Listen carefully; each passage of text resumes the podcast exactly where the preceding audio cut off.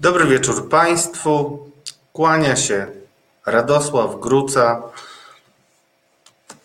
a dzisiaj drugi prowadzący Marcin Celiński niestety będzie wspierał nas tylko duchem, albowiem e, rzeczywiście rozłożyło go, mam nadzieję, że tylko przeziębienie. Także bardzo Was dzisiaj proszę i dziękuję, że tak licznie, mimo przedświątecznej zawieruchy się stawiliście. Bardzo Was proszę, żebyście czynnie uczestniczyli w dzisiejszym programie. Będzie on miał y, jednego tylko mm, kandydata do mm, polexitowca tygodnia i powiem szczerze, myślę, że mm, tutaj przez aklamację y, powinniśmy uznać, że polexitowiec w tym tygodniu mógł być tylko jeden. Ale zaczniemy od tego, drodzy Państwo, że bardzo dziękuję Łukaszowi Bietka albo Bietce, jeżeli się odmienia to nazwisko, naszemu sponsorowi dzisiejszego programu. Cieszę się, że coraz więcej mamy nowych e, widzów e, na naszym czacie i e, na podczas naszych transmisji, e, szczególnie w tym programie, który, jak pewnie Państwo wiecie, jest szczególnie memu sercu jako europeiście bliski. Także bardzo dziękujemy Łukaszowi Biedce i zachęcamy wszystkich, którzy mm, będą e, dalej pozostawać z nami w drużynie tych, którzy nie widzą dla Polski innej drogi niż e, członkostwo Polski w Unii Europejskiej i generalnie w świecie zachodu. Mm, drodzy Państwo, krótko przejdę teraz do omówienia kilku e, zaledwie mm, aspektów polexitowej działalności naszej ekipy. Powinniśmy zacząć tak naprawdę od końca, bo dzisiaj wydarzyło się mm, ciekawe bardzo. E, dziś Zbigniew Ziobro, znany z tego typu działań, e, zaprezentował swój nowy wniosek do Trybunału Konstytucyjnego. Ale jak Państwo doskonale wiecie, e, te zapowiedzi Zbigniewa Ziobro nie są w próżni.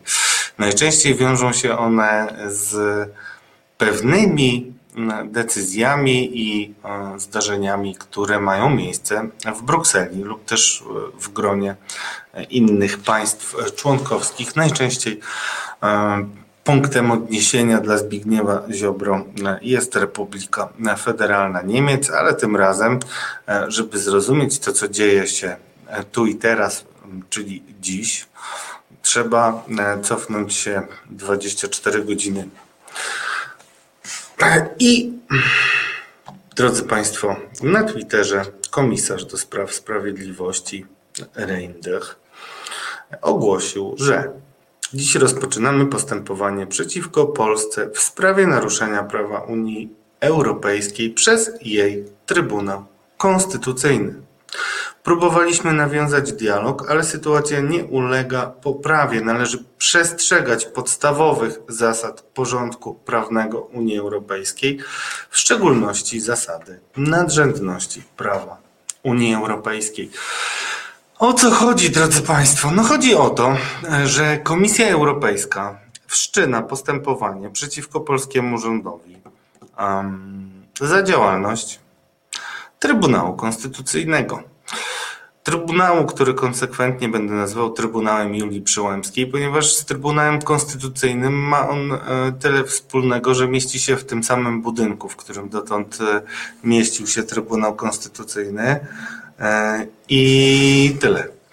Albowiem sędziowie, którzy orzekają tam są sędziami, dublerami między innymi, co powoduje, że skład Trybunału jest y, uznawany przez wspólnotę międzynarodową, bo tak już należy to y, mówić, za źle obsadzony, czyli taki, którego decyzje i orzeczenia nie mogą nosić skutków prawnych. Krótko i na temat, drodzy Państwo. Niemniej jednak e, nic, e, żadnych wniosków Zbigniew Ziobro jako minister sprawiedliwości, czy też premier Morawiecki nie wyciągają z tego, że mieliśmy już kilka e, orzeczeń TSUE, które na bardzo podobnych przesłankach orzekają o działaniu mm, sprzecznym z prawem unijnym polskich władz. Co to za postępowanie te 22? Postępowanie dotyczy mm, nieprawidłowości, mm, e, to znaczy przypomnijmy procedurę. Kiedy Komisja Europejska wszczyna e, postępowanie, to może ono się skończyć skierowaniem sprawy do Trybunału Sprawiedliwości Unii Europejskiej. I tak też się działo, drodzy Państwo. Mm, e, do tej pory e, komisja wszczęła cztery postępowania w związku ze zmianami w sądach mm, i wszystkie skończyły się zaskarżeniami rządu do TSUE. W trzech wydanych do tej pory mm, wyrokach TSUE przyznało rację komisji. E, rozmawialiśmy już o tych orzeczeniach TSUE, ale ponieważ sprawy mogą być y, nieco skomplikowane. Mm, zaprosiłem dzisiaj konstytucjonalistkę dr Bognę Baczyńską z Uniwersytetu Szczecińskiego, e, żeby wyjaśniła nam to, mm, co e, stało się dzisiaj. A stało się to, co mm, to, czego należało się spodziewać, czyli Zbigniew Ziobro. Dzień po tym, jak Komisja Europejska wszczęła kolejne postępowanie, które najprawdopodobniej skończy się kolejną sprawą w TSUE.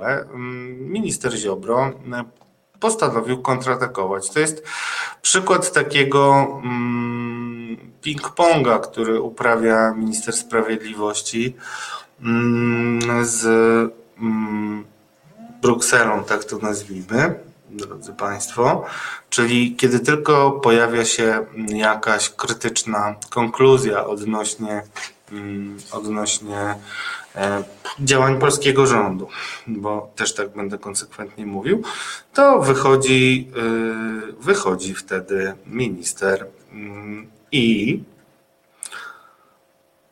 i co robi, to powiem, może za chwilę omówimy to z Bogną Baczyńską. Generalnie mm, Taką ideą fix Zbigniewa Ziobro jest e, to, że Unia Europejska, której my jesteśmy częścią, więc już, żeby minimalnie porządek wprowadzić, będę mówił Bruksela. Więc e, Zbigniew Ziobro twierdzi, że Bruksela, która tak naprawdę, trzeba powiedzieć, bo to zawsze gdzieś z tyłu głowy mm, trzeba mieć, że zdaniem ludzi niechętnych Unii Europejskiej. Unia Europejska jest tak naprawdę taką fasadą, która ma przykryć hegemona niemieckiego i e, władze Niemiec, które zdaniem tych ludzi, którzy tak twierdzą, są zawsze wrogie Polsce. I łatwo to przypominać, szczególnie starszym pokoleniom, więc ta obudowa Niemiec, czyli Unia Europejska zła, dybie na mm, interesy Polski w ten sposób, e, że e, stara się mm, Unię Europejską uczynić superpaństwem, gdzie Niemcy będą miały mm, hmm, decydujący głos. Ciężko w ogóle się to relacjonuje, drodzy Państwo, bo materia e, jest e, skomplikowana, chociaż dla ludzi, którzy tak jak ja studiowali mm, europeistykę na przykład, albo na bieżąco komentowali wydarzenia polityczne, no poziom odlotu e, w działaniach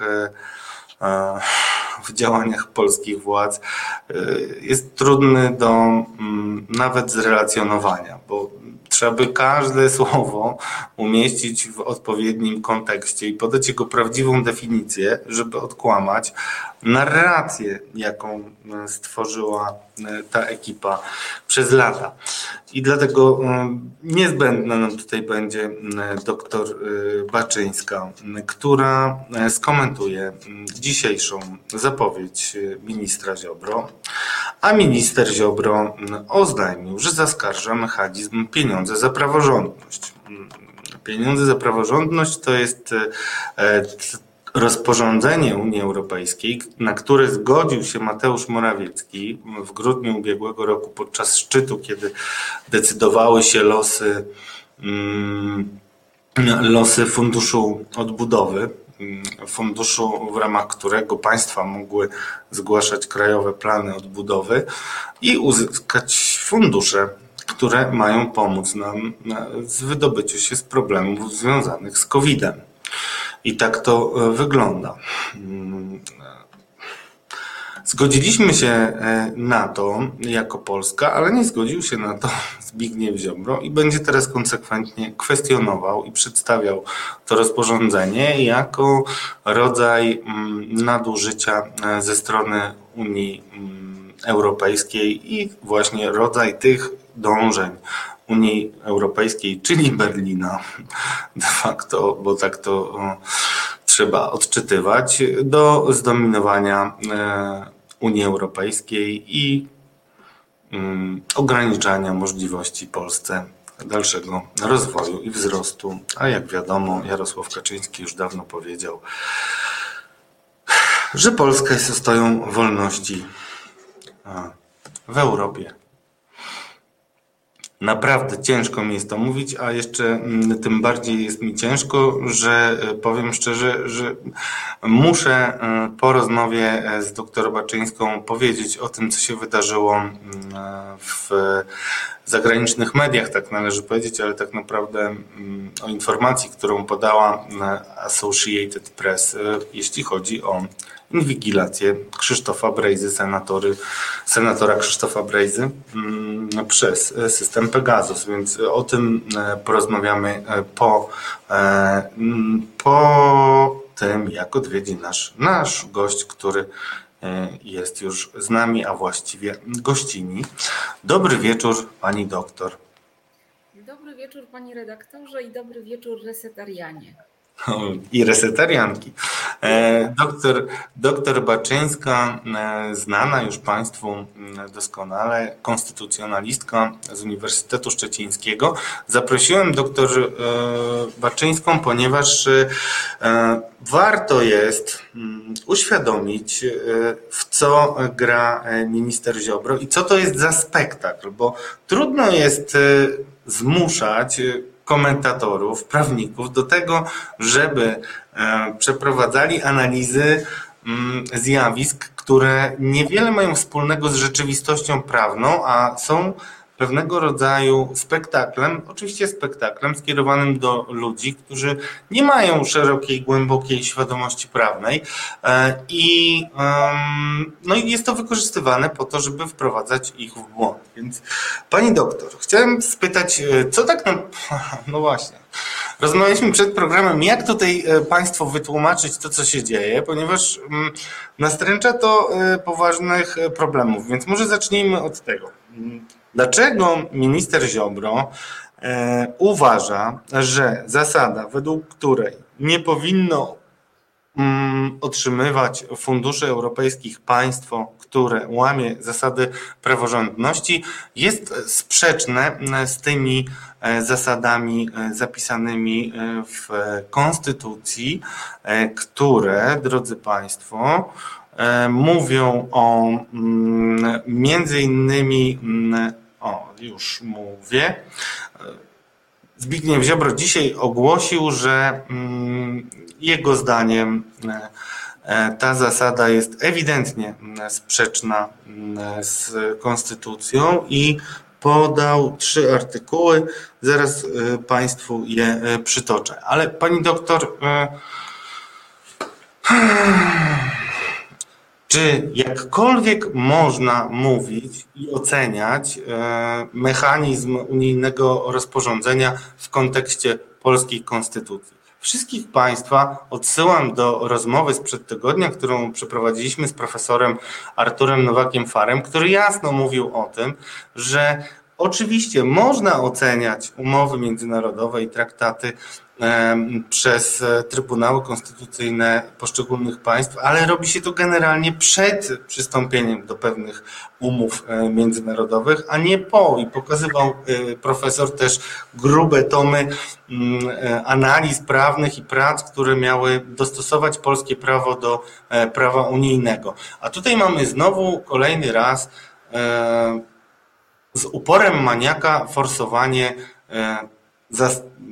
forsowanie procesu oceniania traktatów przez e, Trybunał Konstytucyjny, który już wcześniej e, ma te wszystkie mm, prace dostosowujące polskie prawo i analizował, czy jakkolwiek traktaty mogą być z konstytucją sprzeczne i nie były one sprzeczne. Dlaczego, dlaczego minister próbuje stworzyć takie wrażenie, że coś się zmieniło w traktatach, które przecież negocjował świętej pamięci e, Lech Kaczyński i nigdy nie stwierdzał tam e, zagrożeń.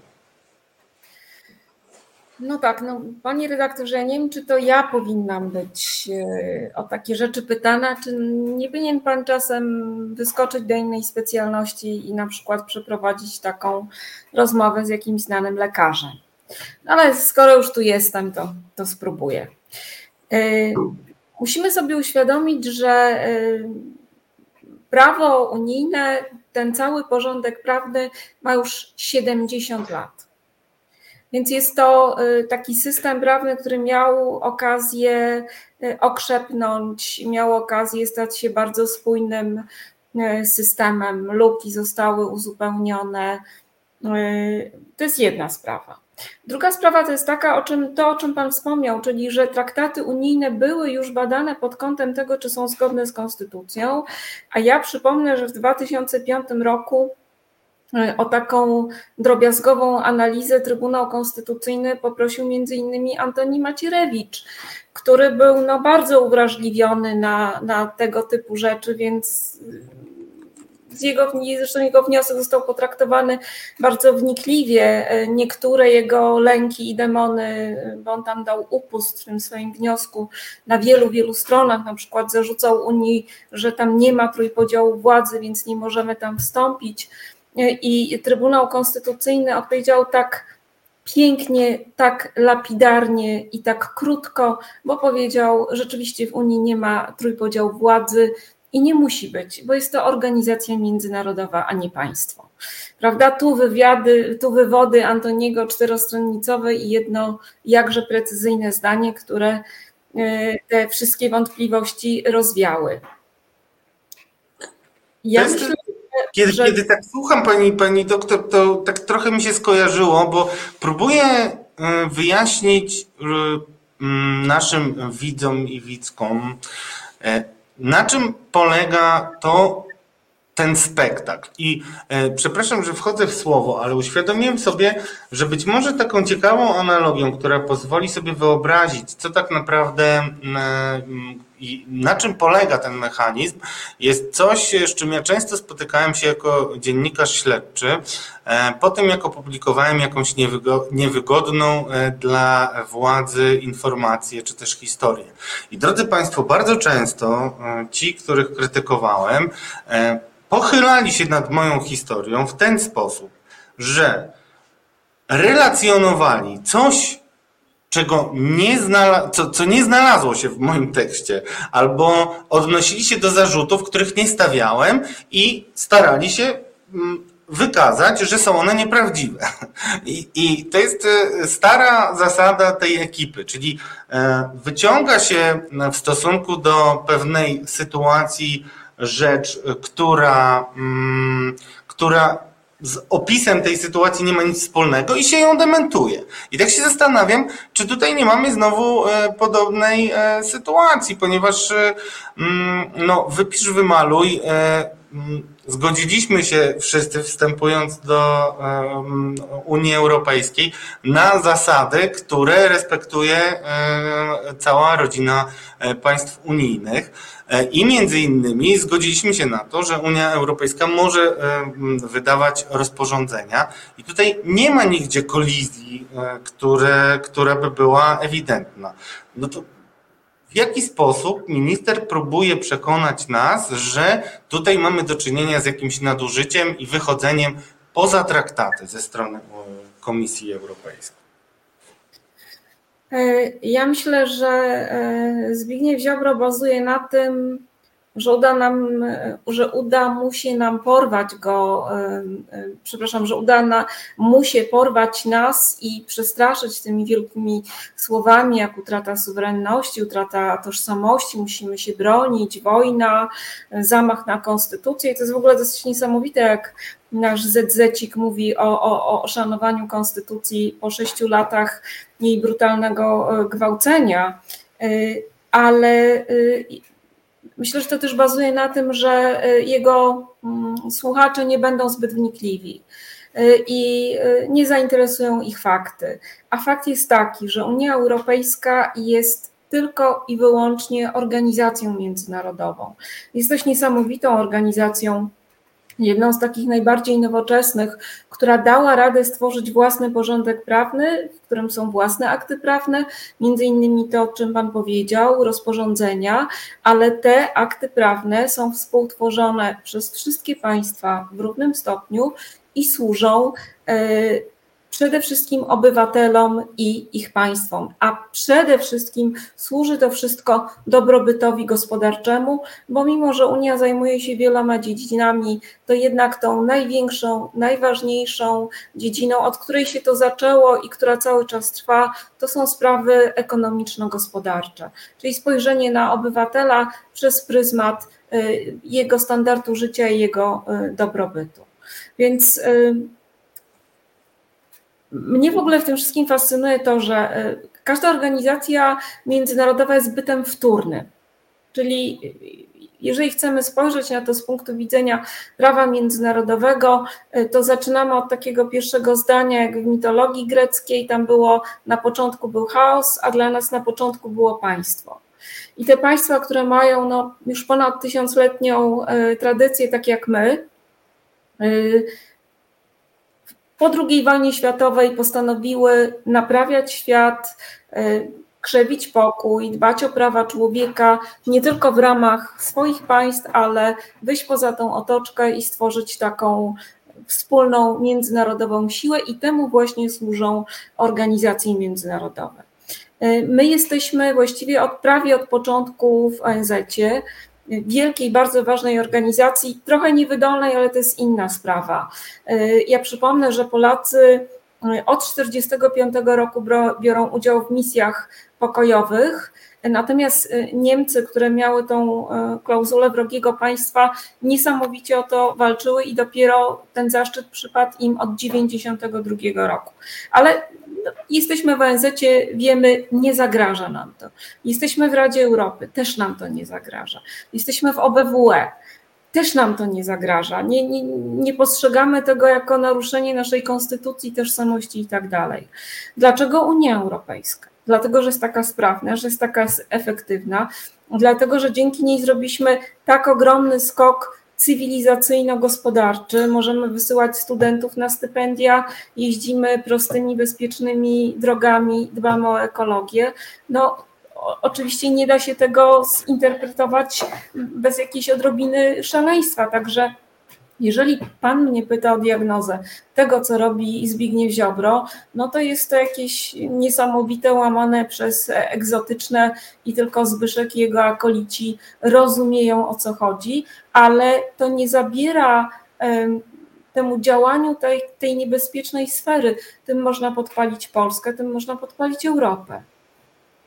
Tak, no unijnemu rozporządzeniu, które może no, w którym opozycja między innymi upatrywała nadziei na to, że uda się zmusić Polskę do tego, żeby nie wywracała państwa prawa do góry nogami i, i nie wychodziła, polski rząd nie wychodził poza normy, które zakreśla konstytucja, między innymi.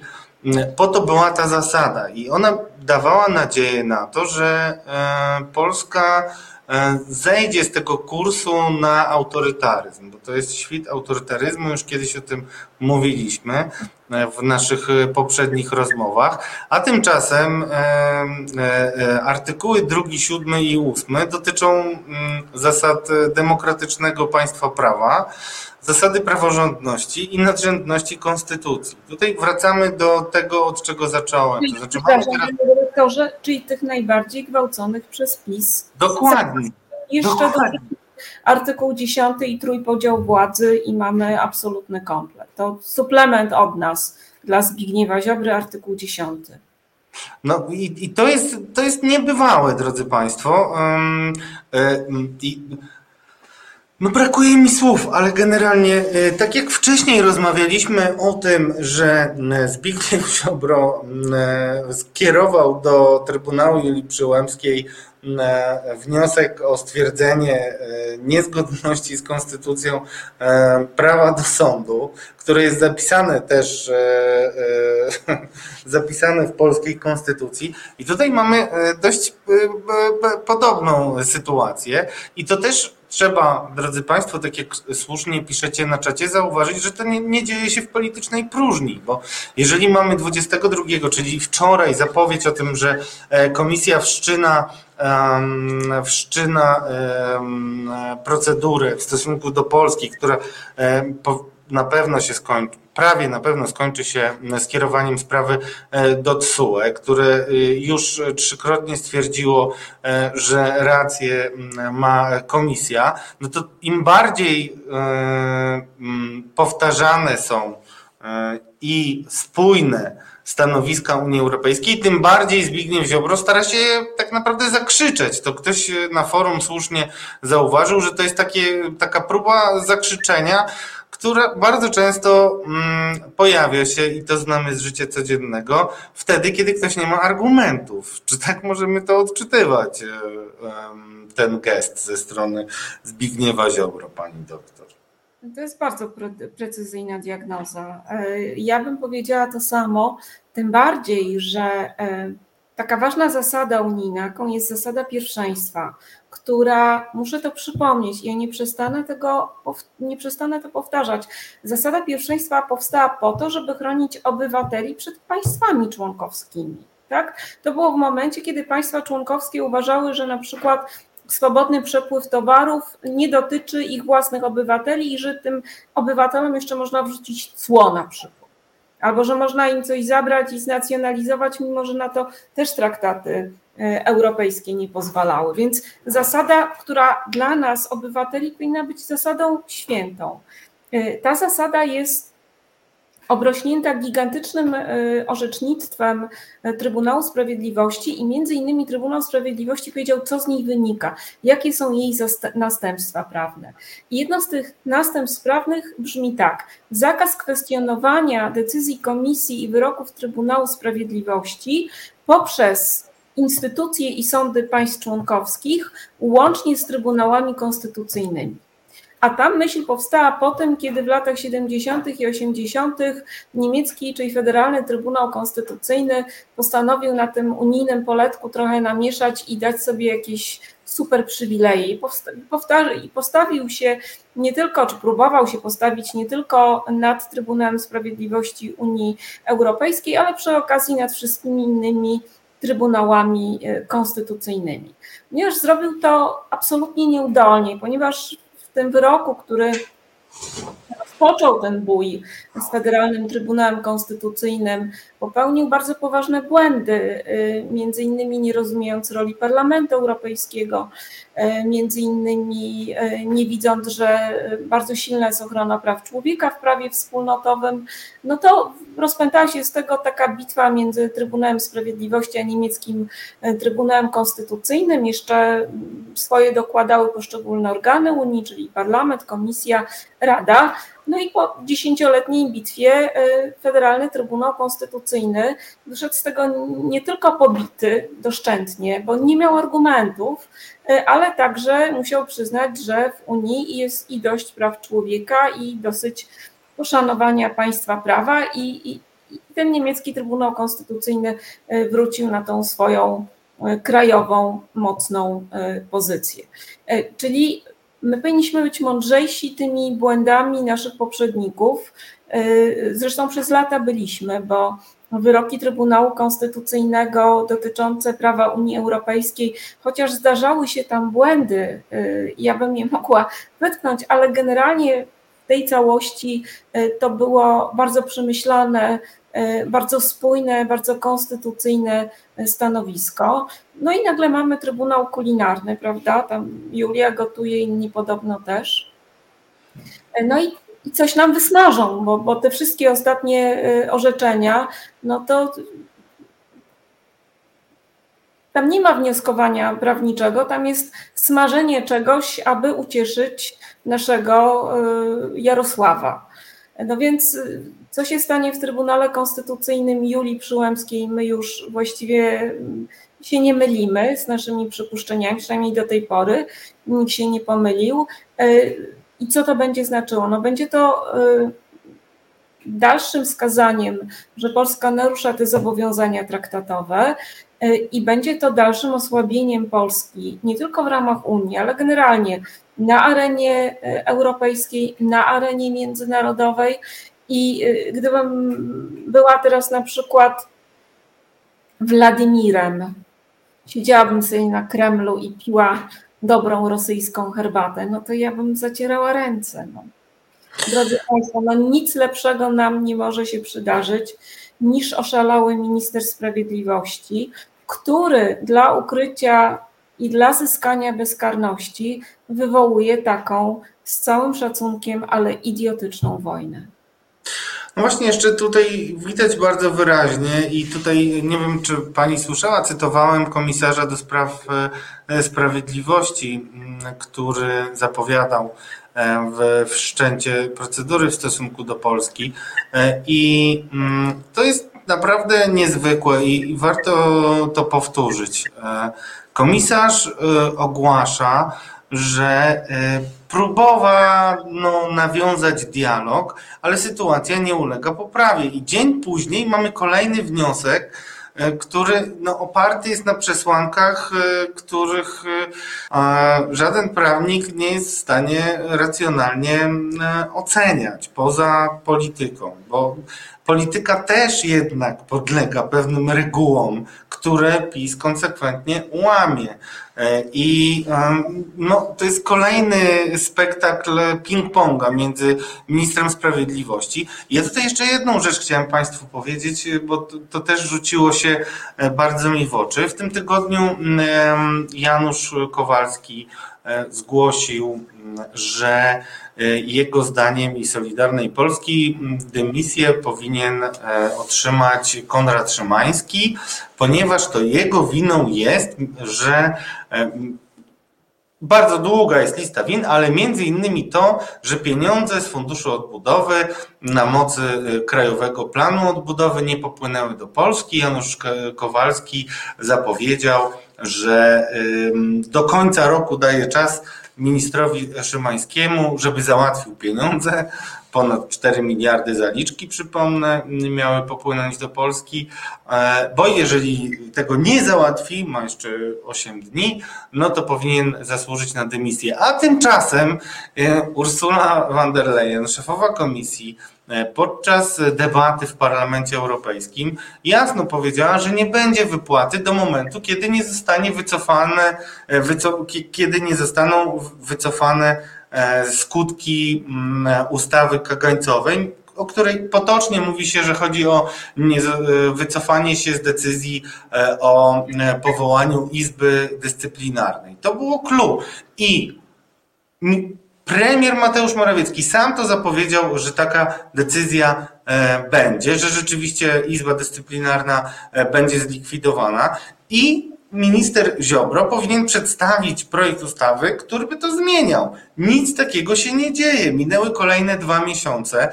Jeżeli ktoś będzie odpowiedzialny za to, e, że pieniądze z KPO nie przypłynęły do Polski, nie wpłynęły do Skarbu Państwa, no to drodzy Państwo, no trudno mi jednak znaleźć kogoś, kto by bardziej się do tego nadawał, do odpowiedzialności, niż e, najpierw Mateusz Morawiecki jako szef rządu, ale potem minister sprawiedliwości, który po pierwsze rozpoczął ten cały e, serial konfliktów e, z komisją i z TSUE, a po drugie no nie robi nic, żeby do tego, żeby spełnić zapowiedź swojego premiera. Więc tutaj mamy do czynienia z tego typu sytuacją. No i koniec końców chciałem spytać pani e, profesor, jak można ocenić całokształt tego, w jaki sposób minister, no nazwijmy to po imieniu, używa Trybunału Konstytucyjnego, bo tutaj znowu nie możemy rozpatrywać, nie możemy mówić o tym, e, o, tym, o tej zapowiedzi skierowania zaskarżenia na rozporządzenia Unii bez e, przypomnienia, że właśnie komisja dzień wcześniej wszczyna e, czwarte postępowanie i te postępowanie no, nie mogą mieć już innego rozstrzygnięcia, tak? bo my po prostu brniemy coraz dalej. Tutaj nie ma już sporu do rozsądzenia, znaczy CUE orzekł i wszystkie te e, kolejne decyzje są tylko są wynikiem tylko jednego, że Polska się nie cofa. Czy ja dobrze diagnozuję sytuację? Bardzo dobrze.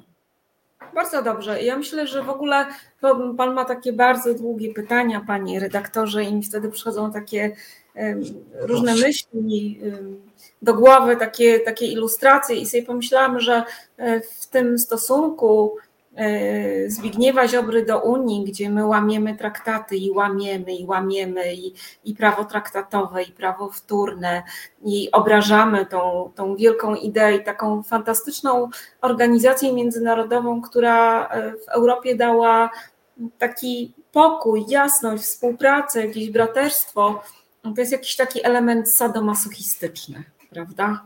No, Unio, my ci wszystko zrujnujemy, my, my rozpiżymy to w drobny pył, a ty to finansuj, finansuj nas. No dlaczego nas nie chcesz finansować? Zryjemy te fundamenty do gołej ziemi, tam nic, nic nie zostanie i nie chcecie wam, nam za to płacić? No, no jakieś szaleństwo. E, ale już tak zupełnie na poważnie. E, to, co robi Zbigniew Ziobro, e, jest wbrew polskiej racji stanu, jest wbrew konstytucji i wbrew traktatom unijnym. I kiedy ja patrzę na naszą drogę do Unii, a myśmy bardzo szybko sobie, e, już jak się zaczęła ta transformacja ustrojowa, kiedy jeszcze były bardzo mroczne czasy, postanowili, że Unia jest naszym celem. Myśmy to ogłosili w 1991 roku.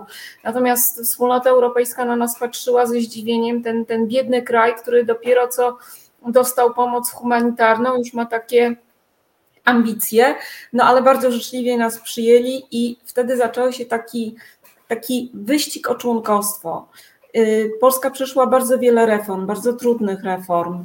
Y, Polska zostawiła niektóre grupy społeczne odłogiem. Na przykład taką no, tragiczną historię y, mają dawne PGR-y i ludzie, którzy tam mieszkali i mogli, możemy się zastanawiać, i jaką oni mieli szansę na rozwój, jaką oni mieli szansę na godny byt. No ale to już jest powiedzmy sobie inny temat. Tym niemniej społeczeństwo polskie naprawdę y, zdało egzamin i społeczeństwo i, pa, i państwo polskie. I wreszcie w 2004 roku, trochę później niż oczekiwaliśmy, ten wielki krok i myśmy się bardzo tym członkostwem cieszyli. To było coś bardzo radosnego.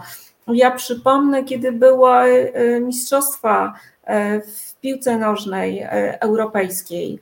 No, Polska była tak niesamowicie dumna. Odbiór Polski był tak pozytywny, tak wspaniałym. Ja miałam wrażenie, że my tylko rośniemy.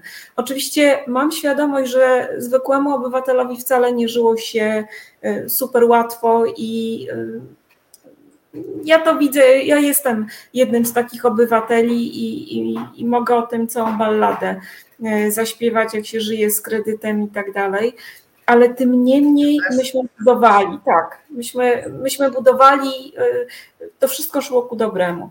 I nagle 2015 rok e, i zaczyna się jakieś absurdalne podejście do rzeczy.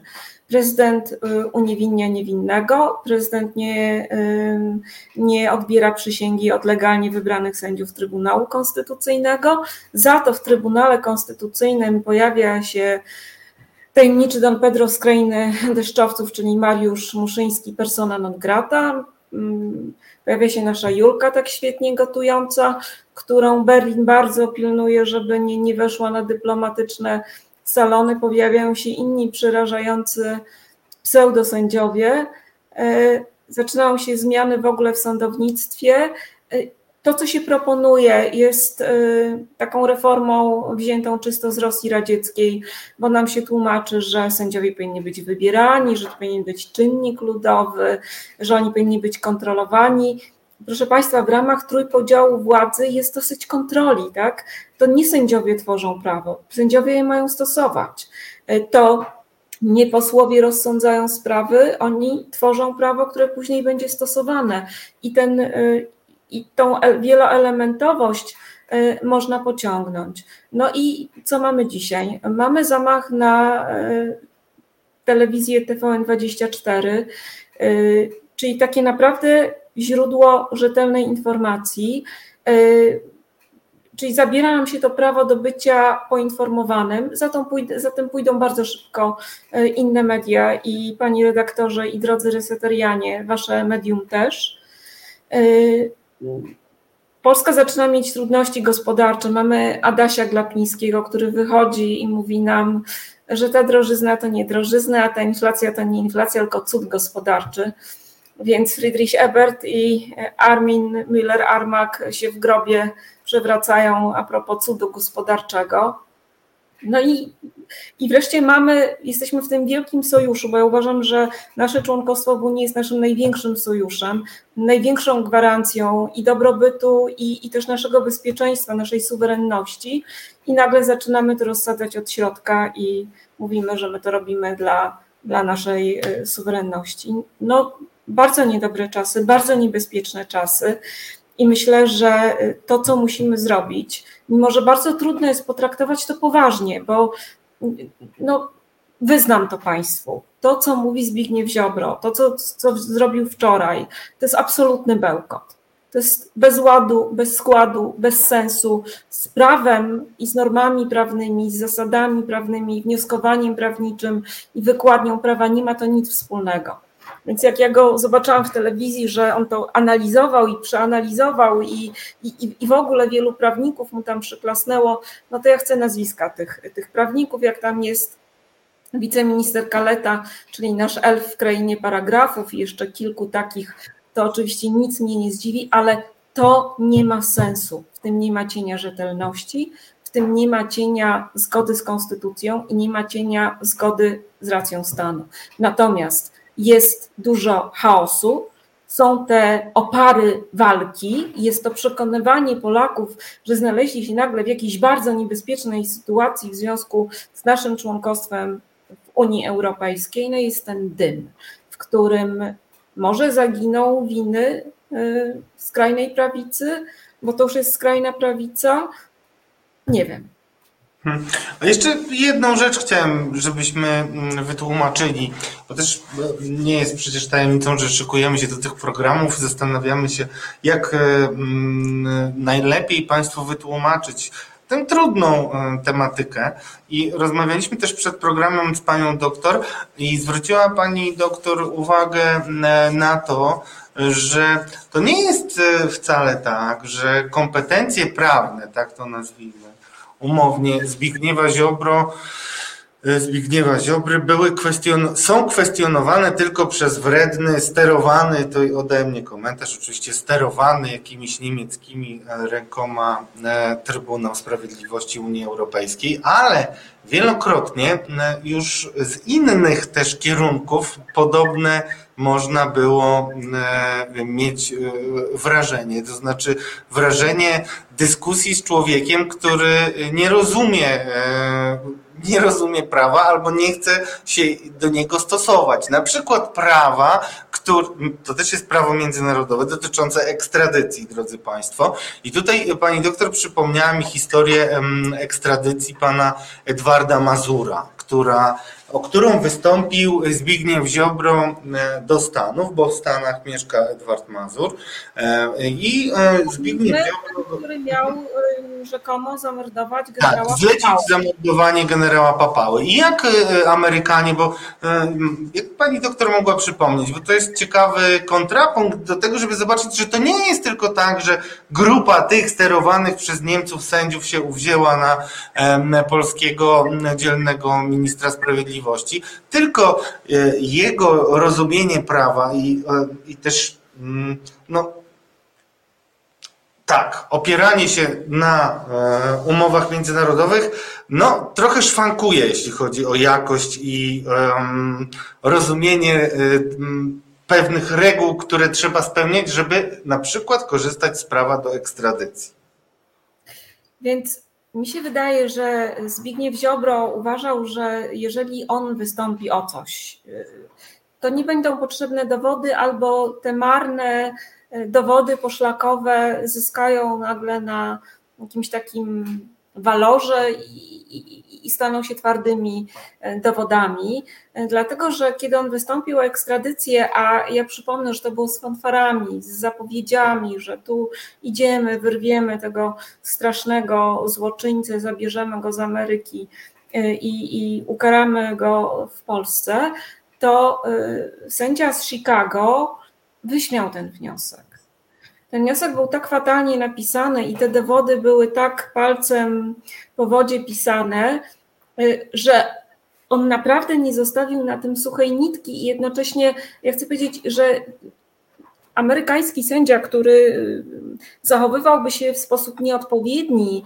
na sali sądowej i podszedł bez y, odpowiedniej powagi do danej sprawy, to jest bardzo trudno wyobrażalne dla mnie. Więc takiego to przypadku nie było. Natomiast to, co ja sobie bardzo cenię, to jest taki amerykański pozytywizm. E, generalnie Amerykanie e, cenią sobie pozytywizm prawniczy e, i ja może to przedstawię na, na przykładzie innego sędziego amerykańskiego, żyjącego, tworzącego, profesora Poznera. Mówiłam już o strusich wyrokach? Nie przypadku.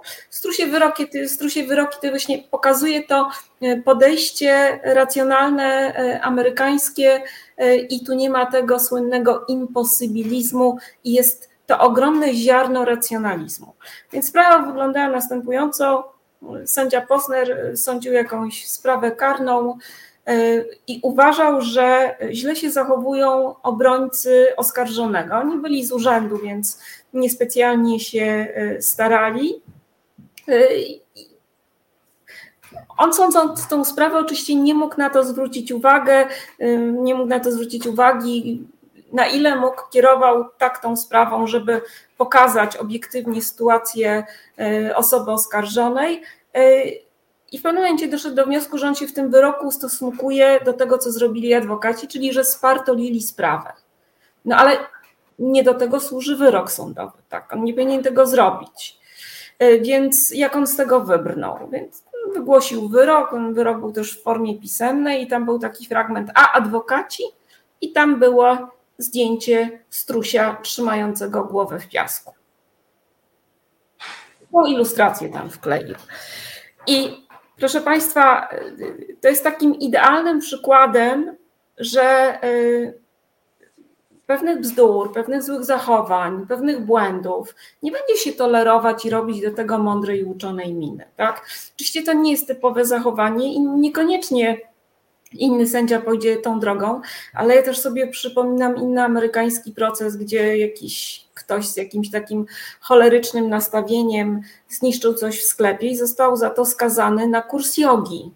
I sędzia potem powiedział, że potem ma wrócić i zobaczymy, czy mu to e, pomogło i rzeczywiście pomogło. E, e, więc ten amerykański pragmatyzm, tam nie zrobiono uczonej i mądrej miny do, do, taki, do tego typu wywodów, tylko powiedziano, tu brakuje elementarnych dowodów, tu brakuje logiki. Ten wywód jest wybiórczy, niekompletny, żałosny i nie może stanowić nawet podstawę do podejścia o ekstradycję. No i ja chciałam powiedzieć, że Zbigniew Ziobro, nie wiem czy Państwo pamiętają, ale swego czasu też ogłosił, że y, lewica, polska lewica, więc Aleksander Kwaśniewski, Leszek Miller, już nie pamiętam kto, kto więcej, mają nielegalne konta w Szwajcarii, że on pojedzie i on to udowodni i, i, nawet był program zrobiony, jak on wchodzi do banku szwajcarskiego z taką pewną miną, no i potem nie było jak wychodzi, a, a wyjść musiał mało spektakularnie, bo ten i, i, i różne inne banki mu wyjaśniły, że nie będą się w tego typu zabawy bawić, więc ta groteskowość jego działań była bardzo widoczna na tej arenie międzynarodowej. No więc wrócił na nasze poletko A my, Polacy, mamy takie mm, tendencje. Ja znowu się posłużę przykładem. Stanisław Ignacy Witkiewicz, wielka postać dwudziestolecia międzywojennego. W dwudziestoleciu międzywojennym przyjechał całą Polskę z wykładami o niczym. On w bardzo uczony, bardzo skomplikowany sposób, używając y, różnych rzadkich określeń, przez dwie godziny robił takie płatne wykłady, na które publika waliła i mówił równo i dokładnie nic.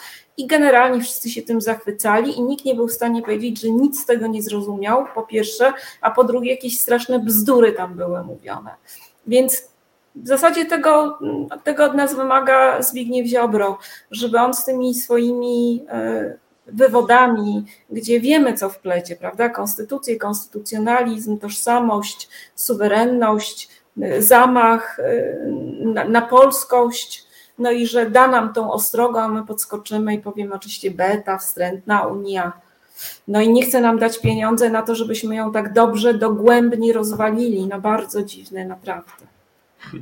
Że na tej zasadzie dla mnie to jest dla mnie to jest taki wykład Witkacego, tylko Witkacy kpił z publiczności, tak? On to robił świadomie. Natomiast y, Zbigniew Ziobro uważa, że jak wygłosi y, takim namaszczonym tonem, to, to jest ćwiczone przed lustrem, proszę Państwa. Tak? Te, te kabotyńskie zdolności naprawdę Zbysio ma tak przećwiczone, że głowa mała. No i, i ma to nas zapalić, mamy to traktować poważnie. Gdybym miała powiedzieć, albo właściwie powiem, co, co tam, gdybym miała powiedzieć, powiem Wam. Proszę Państwa, to jest bardzo groteskowa postać i bardzo niebezpieczna. I z prawem, y, z dbaniem o konstytucję i o polską rację stanu nie ma to zupełnie nic wspólnego. Drodzy Państwo, orzekła e, dr Bogna Baczyńska, konstytucjonalistka, która dzisiaj wzięła udział w programie e, o polexicie po to, by polexit nie stał się ciałem, ale dzisiaj wyszła trochę z roli, bo trudno być komentatorem kwestii prawnych w rzeczywistości, która więcej ma wspólnego z teatrem niż jakimikolwiek kodeksami. Dziękuję bardzo pani doktor. Życzę dobrej nocy i życzę też wszystkiego dobrego i wspaniałego następnego roku. Oby był przełomowy życiowo, prywatnie i zawodowo. Wszystkiego tak, najlepszego. Ja, czy ja mogę jeszcze coś powiedzieć? Oczywiście. E, bo ja chciałam bardzo podziękować resetarianom, ponieważ po ostatnim programie przeczytałam uwagi później, które były pisane i one mnie bardzo poruszyły, bo one były niesamowicie pozytywne ale tam e, był ktoś, kto napisał a propos mnie, napisał nareszcie ktoś normalny ze Szczecina. Muszę Państwu powiedzieć, że ta uwaga poruszyła mnie do głębi i w niej jest tyle liryzmu i tyle ciepła, że dla mnie to jest e, uwaga tego roku. E, zapewniam, że więcej normalnych osób jest w Szczecinie, ale jakoś mnie to niesamowicie ucieszyło i nazwanie mnie osobą normalną ze Szczecina miodzio. Także dziękuję bardzo za te uwagi. Uwagi też mogą być krytyczne, tylko krytyka musi być konstruktywna i czemuś służyć. Ja to sobie potem wszystko czytam y, i y, bardzo się cieszę, że biorę udział w takim programie, gdzie publiczność jest y, tak aktywna i tak mocno oddziaływuje na, na to medium. Także wszystkim bardzo dziękuję, panie redaktorze, panu też. Samych cudowności w przyszłym roku, drodzy Państwo. Bardzo dziękuję i, i, tylko dodam, że jeszcze wielu wspólnych y, programów. Dziękuję. Naszą gościnią była dr Bogna e, Paczyńska, konstytucjonalistka. E, zapraszamy też e, w kolejnych naszych programach. Bardzo uważam panią Bognę, panią doktor za kreatywną osobę i mam nadzieję, że pobudza Państwa wyobraźnię. Chociaż dzisiaj naprawdę mm, przed programem no nie mogliśmy o tym nie porozmawiać, e, co zrobił Zbigniew Ziobro, ale właśnie doszliśmy do wniosku, że to jest e, trudne e, komentowanie tego e, z punktu widzenia prawniczego, bo to już dawno od prawa nomen omen odleciało. Drodzy Państwo, Tak nam zleciała ta godzina niemal e, prawie. Nie jestem e, zadowolony, e, bo bardzo tęsknię za moim współprowadzącym. I dziwnie się prowadzi program bez Marcina. Uważam, że razem stworzyliśmy bardzo ciekawy mm, format, mm, jak to się mówi w świecie mediów. Więc bardzo serdecznie Ciebie, Marcinie, pozdrawiam, jeśli nas słuchasz. I też przyłączcie się do tych życzeń, bardzo Was proszę. I mm, na koniec e, e, jeszcze e, dwa punkty mam do omówienia. Te newsy polexitowe, powiem szczerze, mm, mm, zastały mnie właśnie przy informacji o potwierdzeniu stosowania Pegasusa w stosunku do senatora Brejzy, co trochę zaburzyło mi mm, plan na ten program. Uważam, że to jest skrajny skandal i przede wszystkim dowód na to, że wybory były nieuczciwe, bo jak mogą być uczciwe wybory, mm, jeśli znamy karty naszego przeciwnika e, politycznego, czyli e, senatora Brejzy, który przypomnę był szefem sztabu. Więc e, jeżeli ktoś dziś się oburza na głosy polityków opozycji, którzy mówią, że kolejne wybory będą fałszowane, no to dla mnie powinien się mocno zastanowić. I takich ludzi mm, chętnie będę nazywał asymetrystami. I to w tym pejoratywnym znaczeniu, rozumieniu tego słowa. To jest primo.